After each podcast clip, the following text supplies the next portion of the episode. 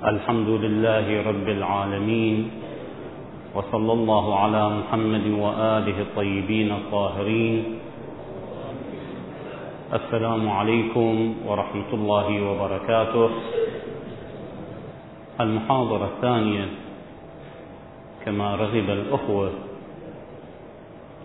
أن نتعرض فيها إلى علامات الظهور. وكنت في المحاضرة السابقة لم أقصد أن أتعرض لعلامات الظهور إلا على أساس مثال حاولنا ذكره وتبسيطه للتعرض إلى الشبهة التي ألقيت. ولكن رغبة الأخوة وتنازلنا لرغباتهم ارتأينا أن نتعرض إلى بعض علامات الظهور إن حالتنا الحظ وساعدنا الوقت بإذن الله تعالى. أول ما يطرح في هذا المجال وهي الشبهة التي تراود الكثير منا هل بإمكاننا أن نطبق على علامات الظهور مصاديق خارجية؟ وبعبارة أوضح هل يمكن أن نجد شخصيات علامات الظهور قد تحققت وبإمكاننا أن نحكم على سين من الناس أو صاد من الناس أو الحدث الفلاني هو الحدث الذي يمكن أن نجزم على أنه هو العلامة المقصودة. بالتأكيد لا يمكننا أن نجزم على أن العلامة الفلانية التي تتحقق ونجعلها هي العلامة المقصودة من علامات الظهور لأن الجزم لا يمكن أن يساعد عليه بعض خصوصيات العلامات. لا يمكن أن نقول أن سين من الناس هو السفياني. ونجزم ونؤكد بأن السفياني هو الشخص الذي مواصفاته كذا وكذا يعيش في زماننا ويقطن في المنطقة الفلانية. ولا يمكن أن نطبق النفس الذكية على أليف من الناس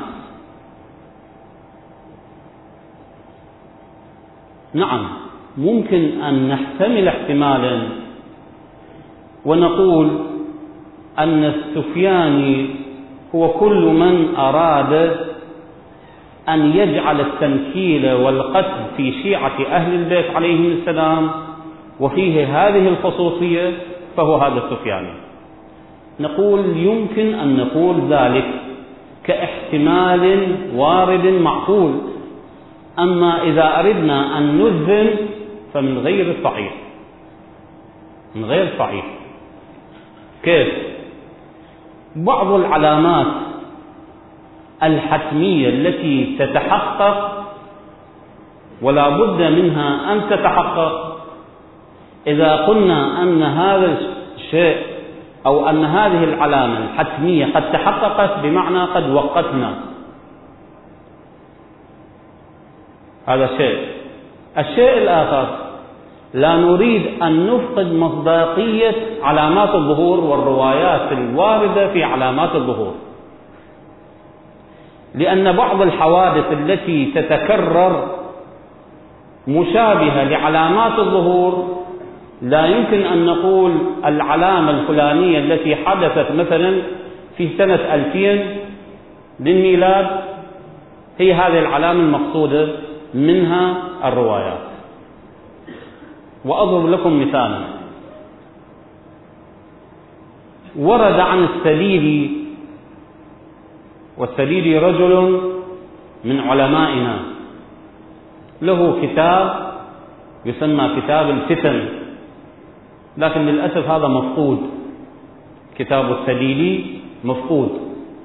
يستشهد به السيد ابن طاووس في التشريف بالمنن. يقول ورد في كتاب السليلي كذا وكذا. لكن أين هو كتاب السليلي؟ كتاب السليلي كانت نسخة منه عند السيد ابن طاووس أو عند غيره واندثر.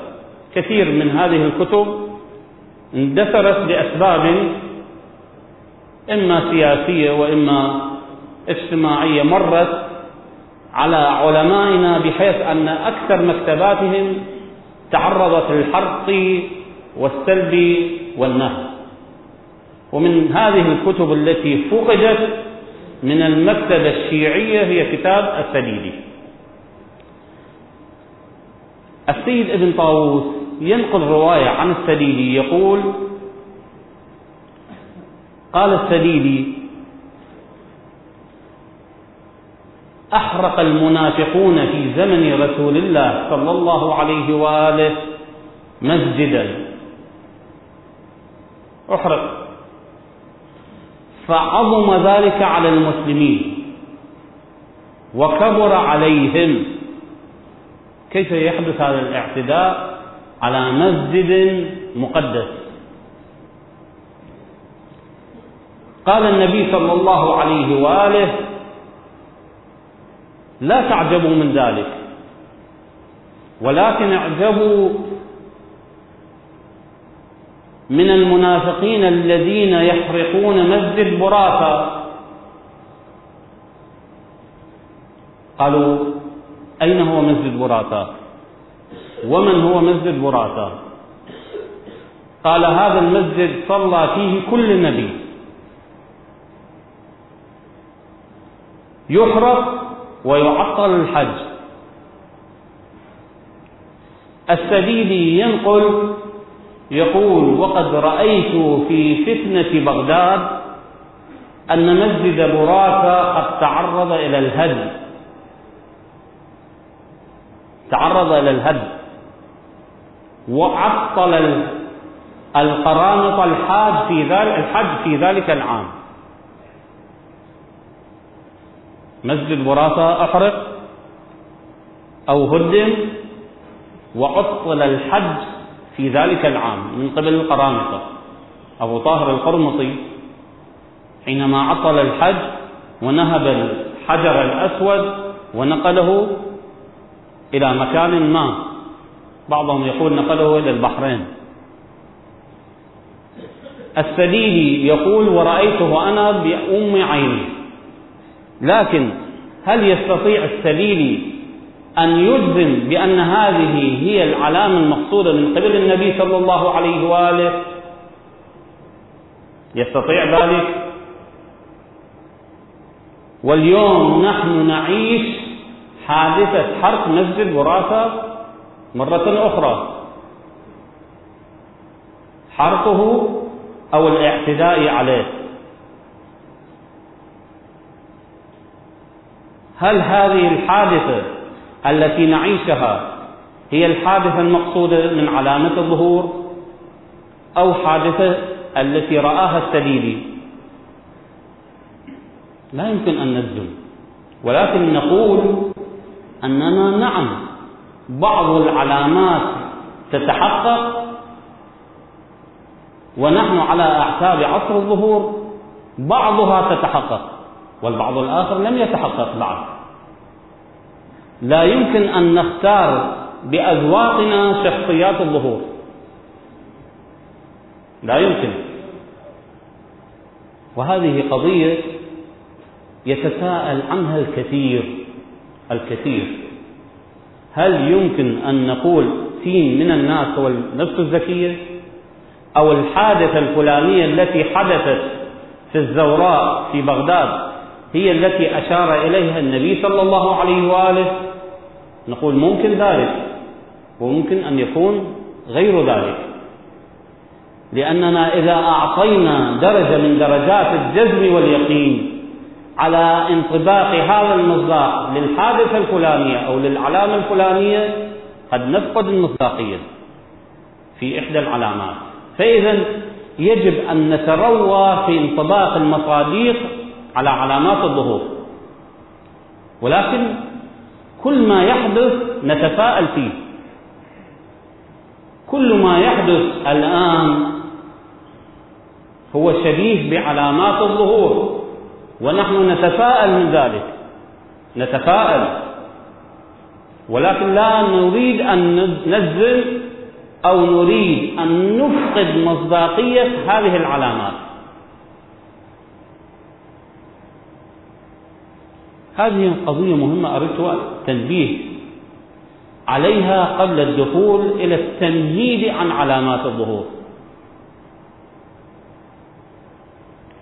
كما هو معلوم أن علامات الظهور رواياتها متشابهة متشابكة.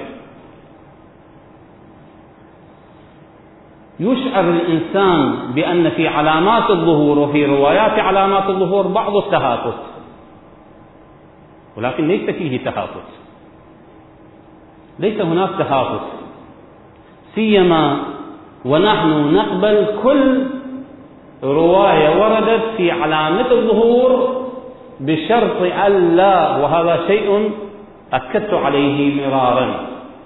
وقلت أننا لا ننظر إلى الأسانيد ولا نتشدد في أسانيد روايات علامات الظهور. وكل رواية وردت في هذا الشأن نقبلها ونتعاطى معها ونتعامل على أساسها بشرط ألا تصطدم مع كتاب الله وسنة رسوله والعقل.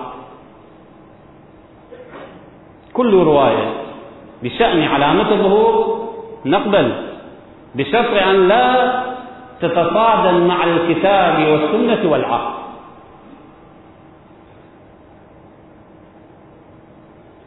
إذا هناك شبه تهافت في علامات الظهور.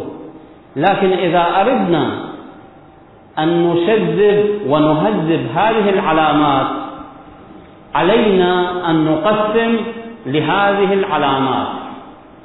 نجعل هناك تقسيمات ندخل كل علامة وكل رواية ضمن هذا التقسيم. إذا عملنا ذلك سهل علينا الكثير من استقراء علامات الظهور. يسهل. هذا التشابه وهذا التهافت قد لا يظهر بعد ذلك. الشيء الأول الذي نريد التأكيد عليه أو التأكيد عليه هو الفرق بين شرط الظهور وبين علامات الظهور.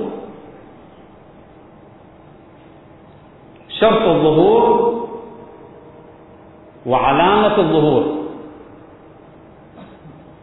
هناك فرق. شرط الظهور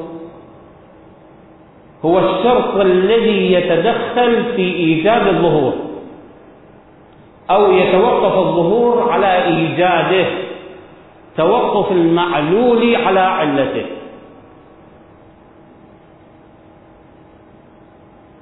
لا يمكن أن يتخلف هذا الشرط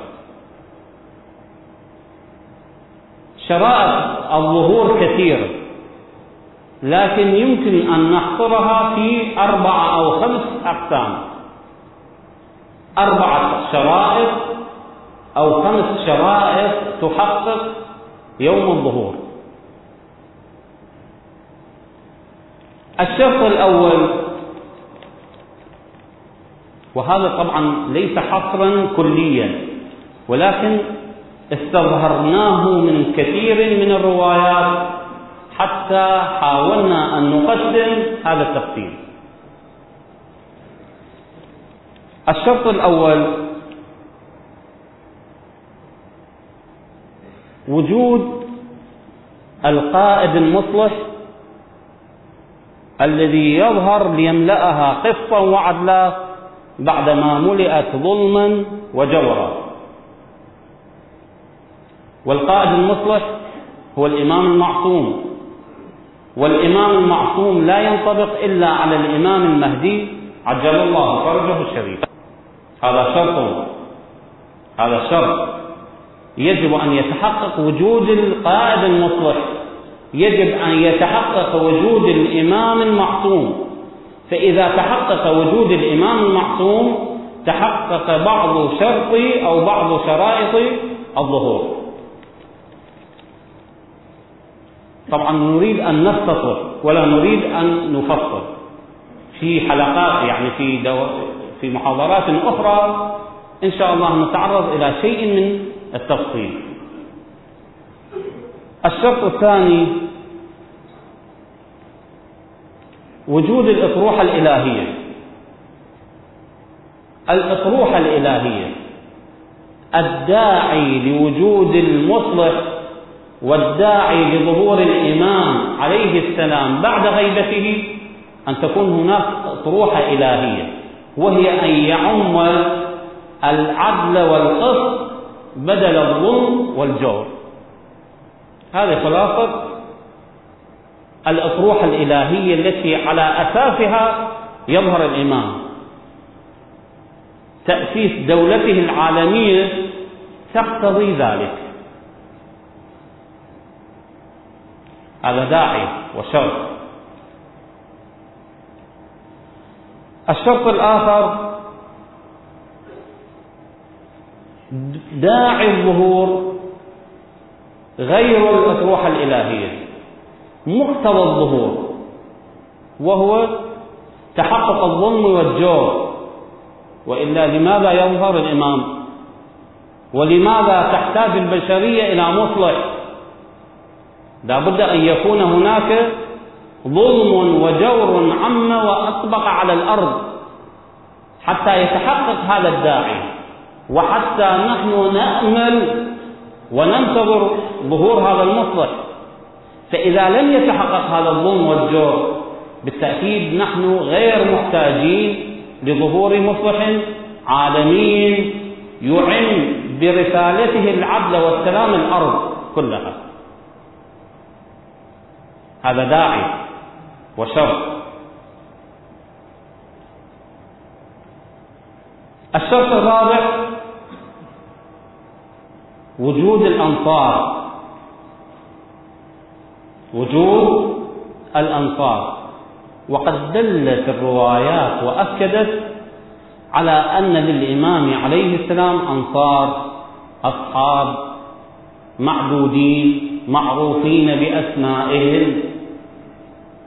ثلاثمائة وثلاثة عشر عدة أهل بيت الكل يتفق سنة وشيعة في هذه الروايات. وجود الأنصار. الأنصار قادة. الأنصار أصحاب مسؤوليات أخرى. الأنصار منهم عيسى بن مريم. الأنصار من هؤلاء سلمان الفارسي. الأنصار من هؤلاء أصحاب الكهف. وهكذا. إذا وجود عدة معدودة من هؤلاء الأنصار يظهرون مع الإمام ليؤدوا مهامهم كما يؤديها وزراء أو قادة عسكريون. بعض الروايات تفصل مهام هؤلاء الأنصار. تقول عيسى بن مريم وزيره والخازن على أمواله. الخازن على المال. كأنما وزير المالية للإمام المهدي هو عيسى. إذا لكل صحابي ولكل قائد مهمة ومسؤولية في هذا الشأن. الشرط الخامس وجود القواعد الشعبية. يختلف هذا عن الأنصار. الأنصار معدودين ومعروفين وقد وردت الروايات إلى الإشارة إلى أسمائهم. كثير من الروايات تشير إلى أن أسماءهم كذا وكذا لكن تشير إلى الاسم فقط. وسنأتي لماذا؟ تشير إلى الاسم فقط وإلى المدينة الذي التي ينتسب إليها هذا الصحابي. تقول محمد. أيها محمد من الكوفة. أحمد مثلا من خراسان زيد مثلا من بغداد وهكذا. تحاول الروايات أن تعطي الاسم فقط مع أن الروايات تشير إلى أن الإمام عليه السلام لديه قائمة تشير إلى أسماء هؤلاء الحرام في التعامل والشراء. تصدر النساء للقرار بحيث أن المرأة التي ستكون هي الحاكم. أو حصل ذلك. فعلا. في دولة بني العباس كانت نساءهم هي التي تقرر. كانت أم الخليفة لها قرار والخليفة له قرار آخر. كما في المعتمد العباسي. كانت أم المعتمد العباسي لها قرار. وكان المعتمد الخليفة الفعلي له قرار يعاكس هذا القرار الآخر. إذا كانت المرأة تحكم وأشارت الروايات إلى ذلك وفصلت تفصيلا كاملا. أشارت الروايات إلى ظهور اللهو الغناء لا سمح الله تفشي الزنا. وهذه تحققت في أزمان بعيدة. يعني لم تكن خافية على أسماعنا حينما نقرأ مثل هذه الروايات. إذا هذه الروايات بعيدة عن يوم الظهور تحققت بحمد الله تعالى.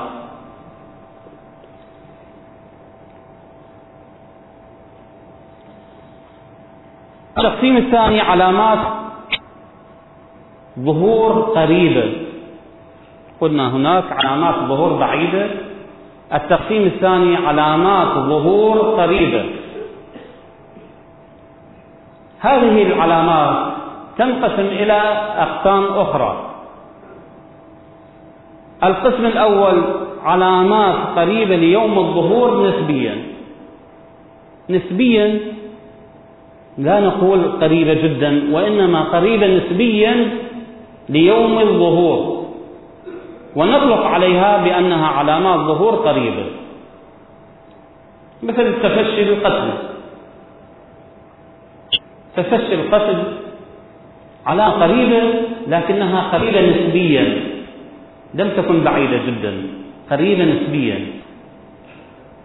وهذا ينفعنا هذا التقسيم هذه التقسيمات تنفعنا في استقراء علامات أو روايات علامات الظهور. هذه تكون بمثابة مقدمات ممهدة لعلامات الظهور. هذه العلامات القريبة نسبية كأنها ممهدات أو إرهاصات لعلامات الظهور.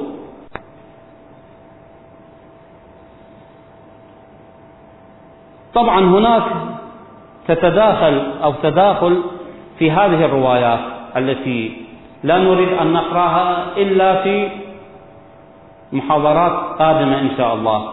هناك تداخل بين الشرائط وبين العلامات.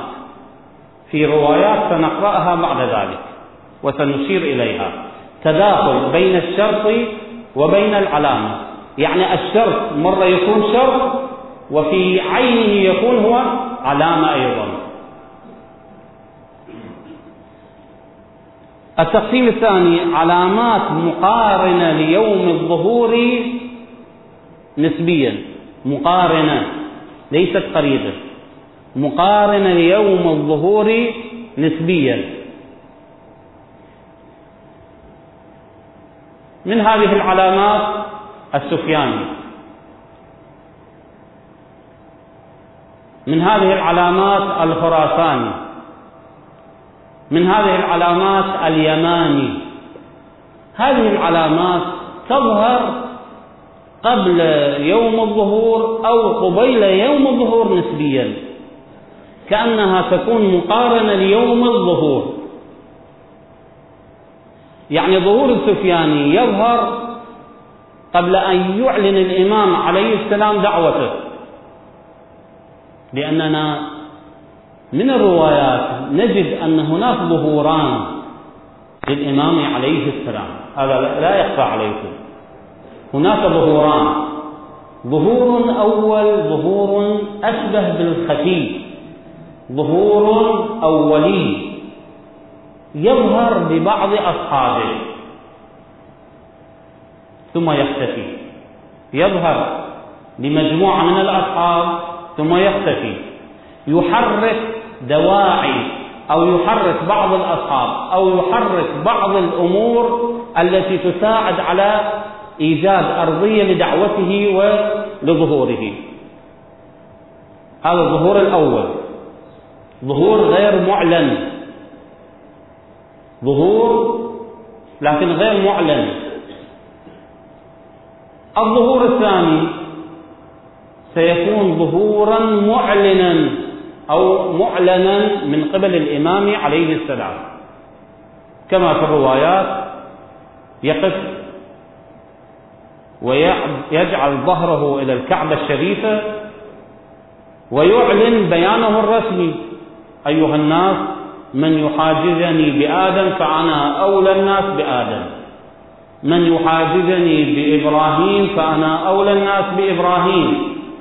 من يحاججني من يحاججني حتى يصل إلى نبينا صلى الله عليه وآله فأنا أولى الناس به. هذا البيان الرسمي الذي سيلقيه الإمام على أسماع الناس. وعندها سيتحرك تحركا رسميا. لكن في الظهور الأول ظهور خفي لم يكن معلنا. يظهر الإمام في مكة. ويتحدث الناس عن ظهوره في مكة. وحينما يبحث عنه في مكة وإذا هو ينتقل إلى المدينة يختفي. ويظهر في المدينة أيام وحينما يتحدث عنه أنه ظهر أو رؤية في المدينة وشوهد في المدينة واتصل مع بعض الجماعات يختفي. وهكذا. قضايا تكتيكية يستخدمها الإمام عليه السلام لحفظ نفسه الشريفة لتهيئة أصحابه وقواعده. الإمام عليه السلام لا يقتضي أن يكون قد اختفى أو قد غاب نهائيا قبيل ظهوره الرسمي أو العلني هذا الظهور الأولي هو الذي سيبعث على تحرك السفياني أن يتحرك إلى المدينة أو إلى مكة للبحث عن الإمام عليه السلام. ولذلك نقول بأن السفياني وأمثال السفياني علامات مقارنة نسبيا ليوم الظهور. مقارنة نسبيا ليوم الظهور. على أثر تداعيات حركة السفياني وظهوره ستكون حركة الخراساني واليماني في نفس الوقت. إذا ثلاث حركات السفياني واليماني والخراساني ستكون حركات وعلامات مقارنة نسبيا ليوم الظهور. وأنا أقول مقارنة نسبيا ليوم الظهور. نعم. العلامة الأخرى عفوا.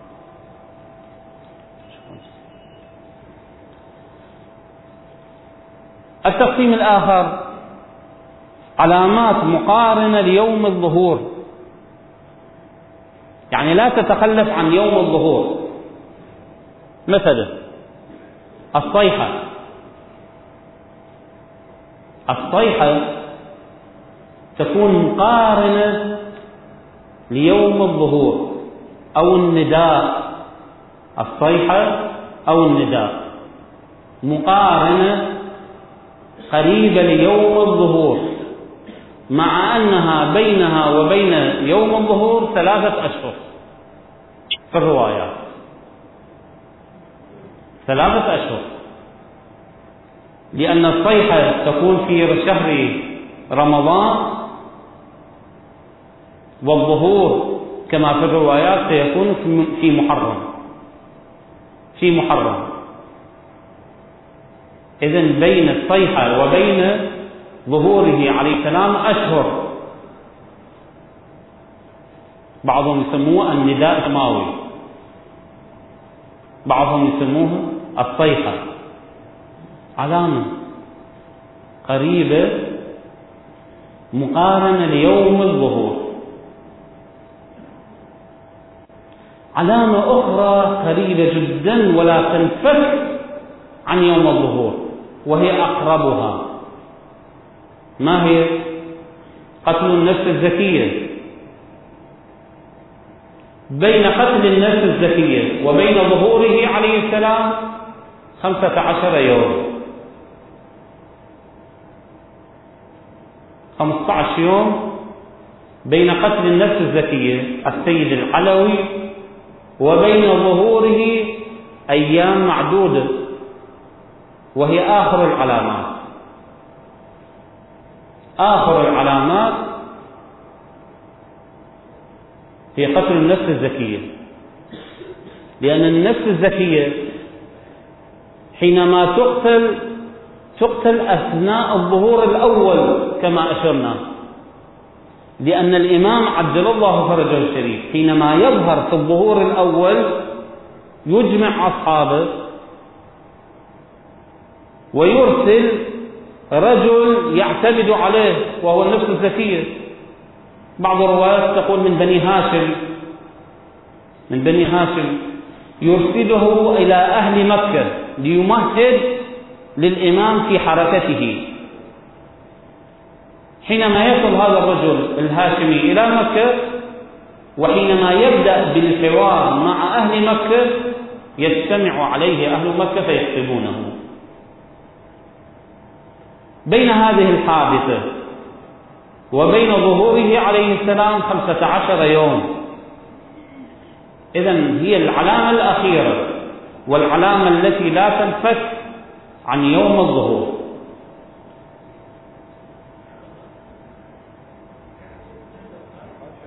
نعم. النقاش طبعا راح يكون حوار. لأن الإمام عجل الله فرجه سيقول لأصحابه يا أصحابي أهل مكة لا يريدونني. أهل مكة لا يريدونني. يرفضون حركتي يرفضون أطروحتي. لأن التحرك سيكون من مكة. الانطلاق من مكة. الانطلاق من المسجد الحرام. إذا لابد أن يكون هناك تمهيد للإمام عليه السلام حتى يتحرك بحرية من المسجد الحرام ينطلق يمهد لحركته.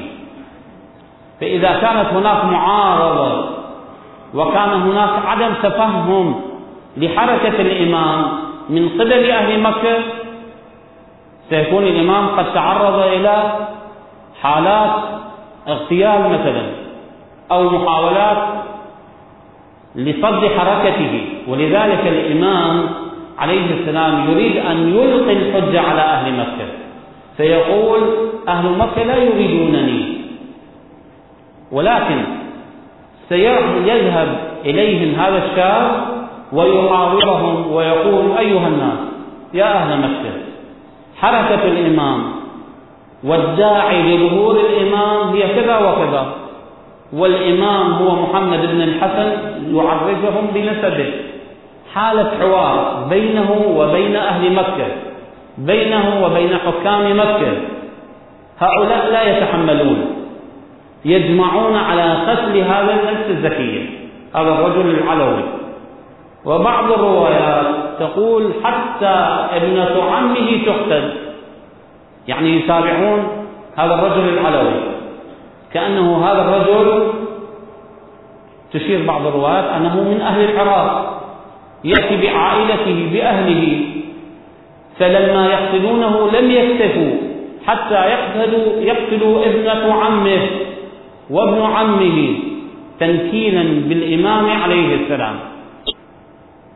عندها الإمام يقرر الذهاب فورا وسريعا إلى مكة.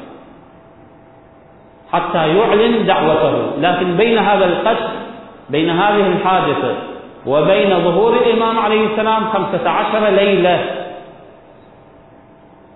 قريبة إذن. قريبة. هذا التقسيم من حيث البعد الزماني والقرب الزماني لعلامات الظهور أو لحركة الظهور. هذا التقسيم. هناك تقسيم آخر ينفعنا أيضا في استقراء وتفهم الروايات التقسيم الآخر علامات حتمية التحقق وعدم حتمية التحقق. من حيث التحقق ومن حيث عدم التحقق حتمية أو غير حتمية. وإن كان تدخل في التقسيم الأول لكن هذا تقسيم آخر يسهل علينا تفهم الروايات. هذا التقسيم علامات حتمية التحقق وعدم حتمية التحقق. القسم الأول علامات حتمية أو علامات محتومة لا يمكن أن تتخلف هذه العلامات. لا يمكن أن تتخلف أبدا. من هذه العلامات التي لا يمكن أن تتخلف السفياني نرجو أن يكون ذلك الأمر أو هذا الأمر ولا سفياني. هذا الكلام أحد أصحاب الإمام الصادق عليه السلام يخاطبه. يقول نرجو أن يكون هذا الأمر ولا سفياني لأنه هذا السفياني سيفعل ما يفعل. يقول لا والله لا يمكن ذلك. إنه من المحتوم لا يتخلف أبدا. محتوم لا يمكن أن يتخلف. فإذا كان السفياني محتوم معنى ذلك أن يكون اليماني والخراساني أيضا من المحتومات لأن اليماني والخراساني حركتان تصدان حركة السفياني فإذا كان السفياني محتوما فاليماني والخراساني أيضا محتومان هذا تقسيم. هذا القسم الأول. القسم الثاني علامات مشترطة. يجب إذا تحققت هذه العلامات تتحقق بشرط هذا التقسيم مال إليه الشيخ المفيد رضوان الله عليه. قال هناك علامات حتمية مشروطة.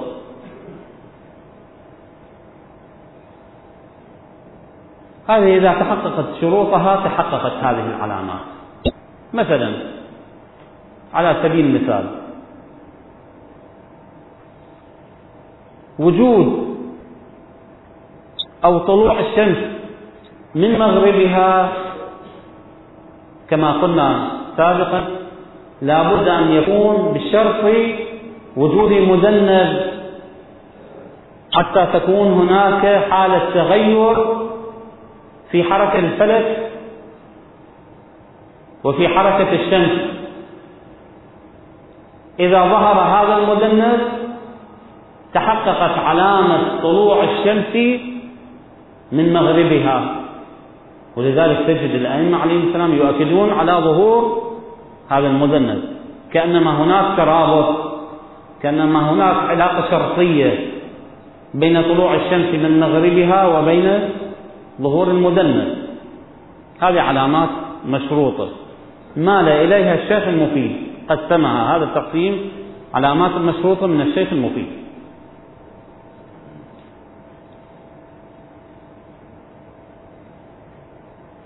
العلامات المحتومة وعلى ما أظن لم يسعنا الوقت إلى التعرض لأكثر من ذلك. لكن نقول أن العلامات المحتومة هي العلامات التي لا يعترض عليها البداء. البداء لا يعترضها لا يعترض لهذه العلامات.